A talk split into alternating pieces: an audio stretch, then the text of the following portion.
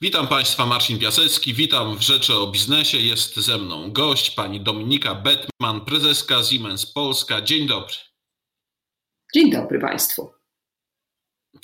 Pani prezes, mamy e, trzecią falę pandemii. E, coraz więcej zachorowań, niestety. Proszę mi e, powiedzieć, jak na to reaguje no, ta gałąź gospodarki, którą przede wszystkim się Pani zajmuje, no, czyli, czyli przemysł. Czy jest przygotowany do tego, że może nastąpić, no nie wiem, mogą nastąpić kolejne obostrzenia, kolejne elementy lockdownu? W jakiej w tej chwili kondycji jest przemysł i jak jest do, przy, przygotowany do ewentualnych obostrzeń?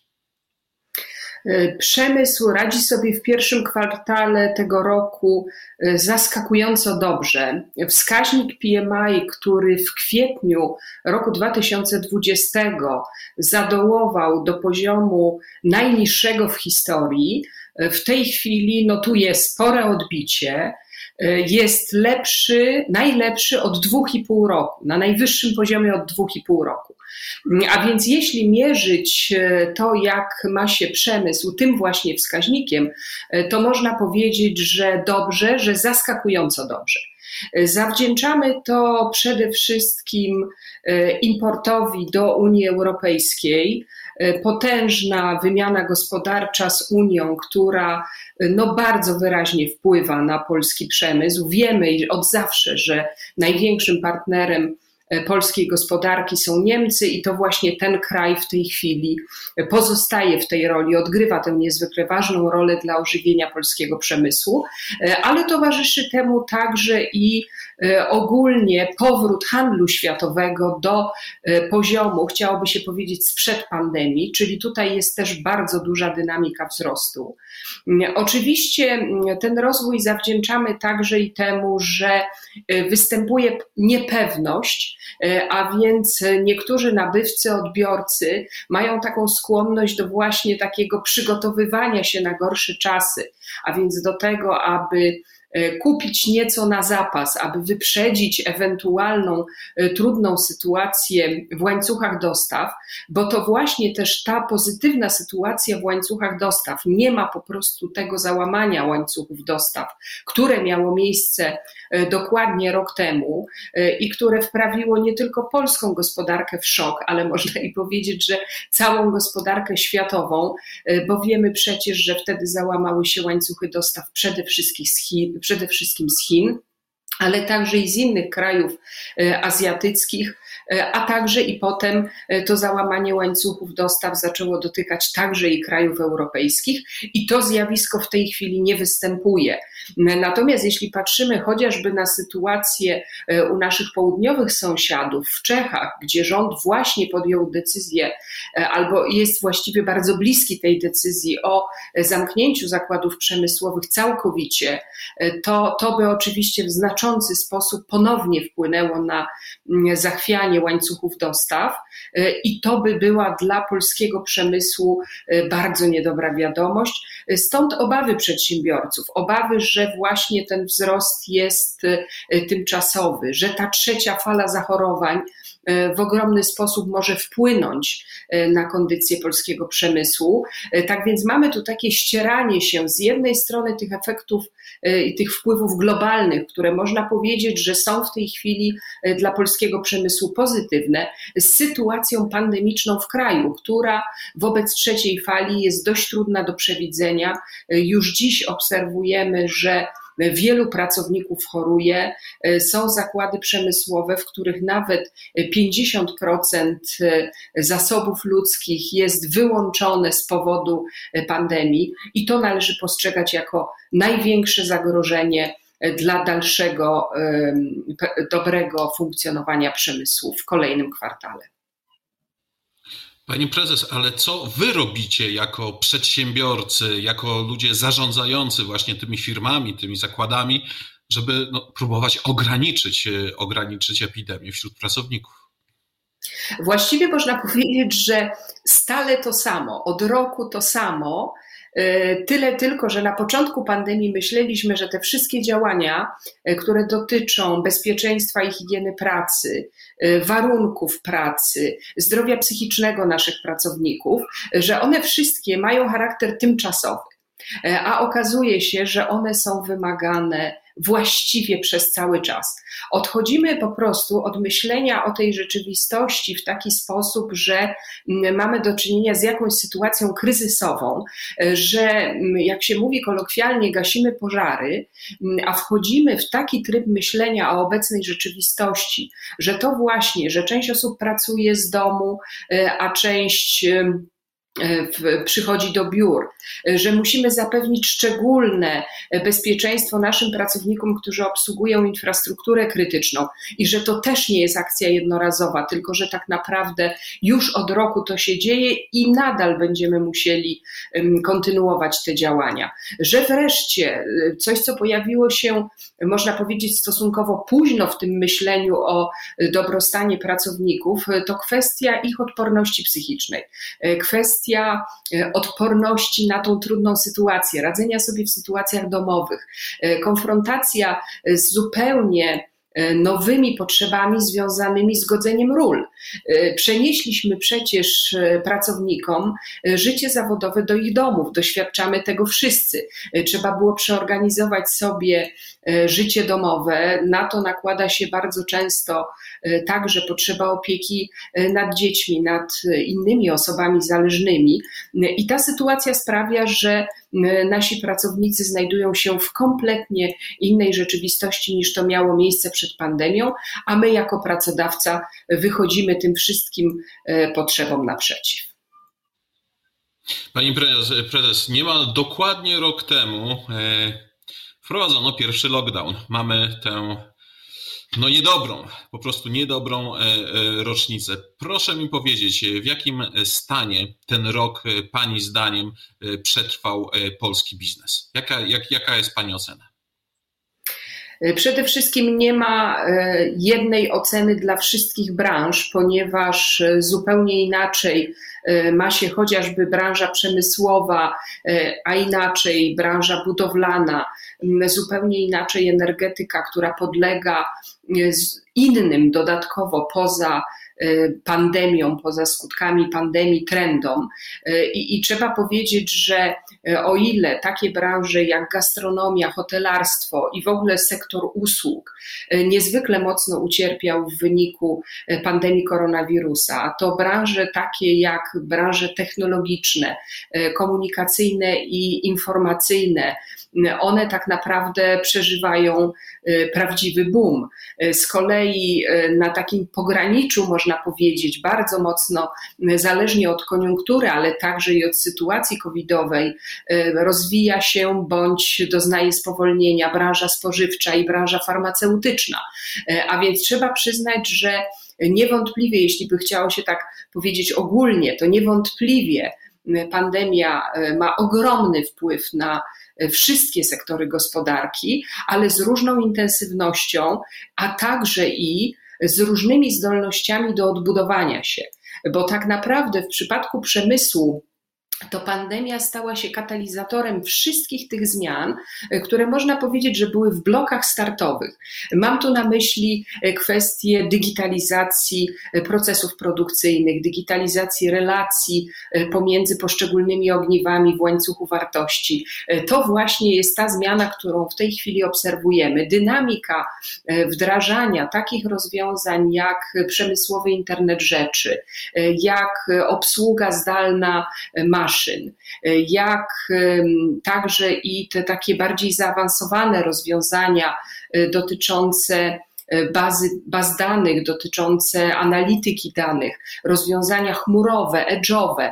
E, to są wszystko te technologie, które tak naprawdę firmy rozwinięte technologicznie, oferenci rozwiązań w tym zakresie mieli przygotowane dla wielkiego przemysłu, dla szerokiej rzeszy odbiorców, a pandemia spowodowała, że one się tak naprawdę stały wymogiem, że one się stały koniecznością. W tej chwili można powiedzieć, że nie da się wykonywać pracy w warunkach ograniczeń związanych z pandemią koronawirusa bez zastosowania tych wszystkich technologii. I oczywiście sektor przemysłowy e, ma tutaj ogromne pole do popisu, e, ponieważ takie branże jak branża samochodowa, czy właśnie farmaceutyczna, e, czy logistyka, intralogistyka, one były wymieniane w naturalny sposób jako te, które w pierwszej kolejności z dobrodziejstw tych zaawansowanych technologii skorzystają. Pani prezes, ten trudny rok y, to jest też historia najróżniejszych obostrzeń, które dotykały biznes, branże były otwierane, zamykane. Zresztą oczywiście obostrzenia nie dotknęły tylko biznesu, również bardzo wielu aspektów życia społecznego. Proszę mi powiedzieć, czy Pani zdaniem coś można było zrobić inaczej, lepiej, y, ewentualnie gorzej y, podczas tego roku? Trzeba przyznać, że mm, kwestia właściwego odniesienia się do pandemii, e, właściwego zareagowania, wprowadzenia właściwych instrumentów e, jest zjawiskiem niezwykle złożonym. E, mm, Bloomberg opublikował taki raport, który mówi właśnie o odporności na COVID, COVID resilience poszczególnych krajów świata i wymienia oczywiście tych czempionów, o których ciągle słyszymy w mediach. Są to takie kraje jak Nowa Zelandia, Japonia, y, Tajwan czy Finlandia w Europie, y, bliska nam przecież geograficznie. I kraje te mm, doskonale poradziły sobie w wielu aspektach. W tym, w tym raporcie oczywiście były wzięte pod uwagę różne okoliczności. Nie chodzi tylko o gospodarkę, chodzi przede wszystkim o to, jak mm, zorganizowany został system zdrowia w tych warunkach, system ochrony zdrowia w tych warunkach kryzysowych, ale także chodzi o odpowiedzialność obywateli, o taką e, postawę prospołeczną, proobywatelską, zrozumienia e, dla tych e, zmieniających się warunków i podejścia do obostrzeń. Polska wypada w tym rankingu, no trzeba powiedzieć, że dość słabo, na 53 kraje jest na 44 miejscu. I chodzi tutaj przede wszystkim o liczbę zachorowań na 100 tysięcy mieszkańców, ale także chodzi o liczbę wykonanych testów i pozytywnych testów w grupie tych testów wykonanych. A więc można by powiedzieć, że wyraźnie widać z tego, że system ochrony zdrowia okazał e, tutaj swoją e, słabość. Niewątpliwie też kwestia bardzo ważna w tym raporcie to gospodarka, jak zareagowała gospodarka. I tutaj tarcze kryzysowe, antykryzysowe, jak wiemy, uratowały Polsce około 3% z PKB. To jest w moim odczuciu e, dość dużo i to też daje tę dozę optymizmu w patrzeniu na przyszłość, bo jak wiemy, prognozy dla e, polskiej gospodarki są dobre na kolejne kwartały. Oczywiście z tymi wielkimi znakami zapytania dotyczącymi tego, jak dalej potoczą się losy pandemii, mm, ale generalnie rzecz biorąc, te zastrzyki finansowe, które co prawda znacząco podwyższyły deficyt finansów do 8 ponad procent, ale jednak dały ten efekt z kolei poprawy e, PKB. E, niemniej nie we wszystkich krajach jest taka prosta zależność, że im więcej pieniędzy wpompowano w gospodarkę, tym lepszy był ten efekt, jeśli chodzi o wzrost PKB, czyli że nastąpił, nastąpił ten zwrot tych zainwestowanych środków w postaci przyrostu PKB. To nie wszędzie miało miejsce. Kraje, w których struktura gospodarki jest taka, że przede wszystkim ten sektor usług był niezwykle niezwykle potężny, one najbardziej ucierpiały, bo w pewnym sensie tego sektora usług przy wprowadzonych rządowych ograniczeniach nie da się e, ochronić. E, mam tu na myśli zamknięcie restauracji, hoteli e, i innych miejsc, także ośrodków kultury.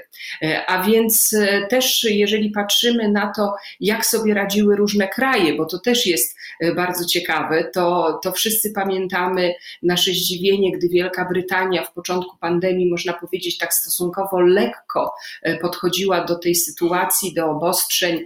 Premier Wielkiej Brytanii był wielokrotnie z tego powodu krytykowany i w pewnym momencie nastąpił zwrot o 180 stopni w kierunku restrykcji bardzo znaczących i obostrzeń, e, a z kolei Niemcy, Niemcy znane z tego, że są solidne, że są stabilne, e, idą e, drogą stosunkowo rygorystycznych ograniczeń z bardzo dużą skłonnością do tego, żeby w każdej chwili zaciągnąć silniej hamulec i żeby po prostu reagować na bieżąco na istniejącą sytuację. No i oczywiście wzorcowa Nowa Zelandia, ktoś może powiedzieć, no tak, to wyspa, łatwo zamknąć wyspę z pięcioma milionami E, mieszkańców i oddzielić się od świata, ale pamiętajmy, że kontakt ze światem Nowej Zelandii to jest w ogóle podstawa jej funkcjonowania, e, więc w ten sposób e, nie można na to patrzeć, a jednak tam te szybko i bardzo sprawnie wprowadzone ograniczenia doprowadziły do tego, że już dzisiaj one są bardzo mocno luzowane.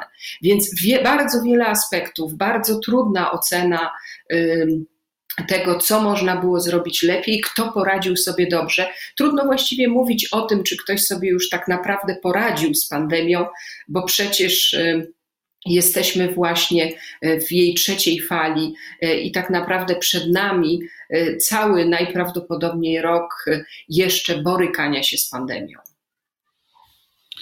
Pani prezes, no właśnie, trzecia fala, być może kolejne obostrzenia.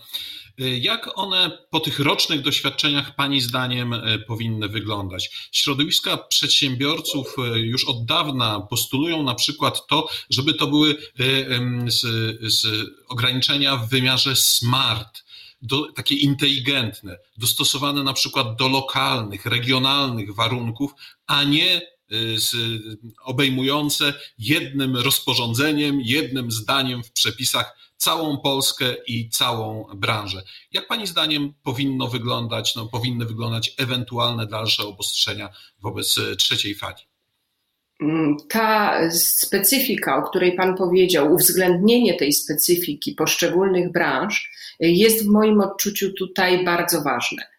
E, I gdy spojrzę na branżę przemysłową, to widać wyraźnie, że zamykanie zakładów, które miało miejsce w pierwszej fali pandemii, ono oczywiście przyniosło spodziewany efekt, niemniej na dłuższą metę ono nie jest rozwiązaniem i wyraźnie widać, że mm, ta potrzeba wprowadzenia coraz to nowych narzędzi, które pomogą wykonywać pracę w zakładach przemysłowych, nawet w dobie fali kolejnej, trzeciej fali e, pandemii, to jest ten klucz do do tej pomyślności i do dalszego dobrego rozwoju przemysłu i do tego, żeby nie było utraty miejsc pracy, żeby nie było ograniczeń e, związanych z czasem pracy, żeby po prostu ta kontynuacja została zachowana.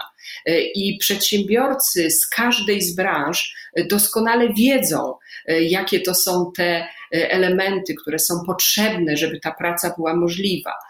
Testy przy wejściu do zakładu pracy, na początku dnia pracy, praca zdalna w przypadku biur, oczywiście, tam gdzie to jest tylko możliwe, doskonale i wielokrotnie wykorzystywana przez pracodawców, wręcz firmy globalne E, sformułowały swoje wytyczne dotyczące zasad pracy zdalnej. Akurat w przypadku mojej firmy dwa do trzech dni pracy zdalnej w e, tygodniu e, to oznacza również dwa do trzech dni pracy w biurze. Chodzi przecież o to, o czym wspominałam, aby pracownicy w dbałości o swoje zdrowie psychiczne, o poczucie przynależności do firmy, e, dla której pracują, mieli jednak tą możliwość fizycznego przebywania e, w biurach e, czy w zakładach pracy, po to, aby ten kontakt został zachowany. Niewątpliwie Takim bardzo ważnym elementem jest też oczywiście taka ucieczka do przodu, a więc poszukiwanie nowych narzędzi pracy, poszukiwanie nowych metod pracy, uelastycznienie prawa pracy, które, na które wszyscy pracodawcy czekają. Czekamy po prostu na przepisy prawa pracy, które powiedzą szczegółowo, jak regulować pracę zdalną, jak regulować elastyczność która jest teraz tak bardzo potrzebna. A więc rozwiązania dedykowane dla poszczególnych branż, y, takie, y, o których mówią pracodawcy, które zgłaszają pracodawcy, znając przecież swoje rynki, znając potrzeby zatrudnionych i wiedząc tak naprawdę, co jest potrzebne, aby ich zakłady pracy dalej mogły funkcjonować. A jaka jest Pani prognoza na ten ten rok i następne e, lata, jeżeli chodzi o polską e, gospodarkę? Co się będzie działo? Na razie z e, prognoz takich makroekonomicznych wynika, że sytuacja będzie dość dobra. Ten rozwój PKB pierwszego kwartału, a także i właśnie wspomnianego przeze mnie wskaźnika produkcji przemysłowej napawają pewnym optymizmem. E, zanosi się na to, że również drugi kwartał tego roku e, na fali tego optymizmu e, pozwoli zachować obecną tendencję PKB i wskaźnika produkcji przemysłowej. Natomiast oczywiście bardzo ważne jest po pierwsze, jak pandemia e, wpłynie na tę sytuację i czy to, o czym rozmawialiśmy wcześniej, czy zakłady e, będą zamykane, czyli czy obostrzenia, które będą wprowadzone przez rząd, zmuszą przedsiębiorców do tego, e, żeby zamykać zakłady przemysłowe, a z kolei w sektorze usług, jak będzie uregulowana kwestia funkcjonowania całego sektora usługowego. No i niewątpliwie gospodarka światowa.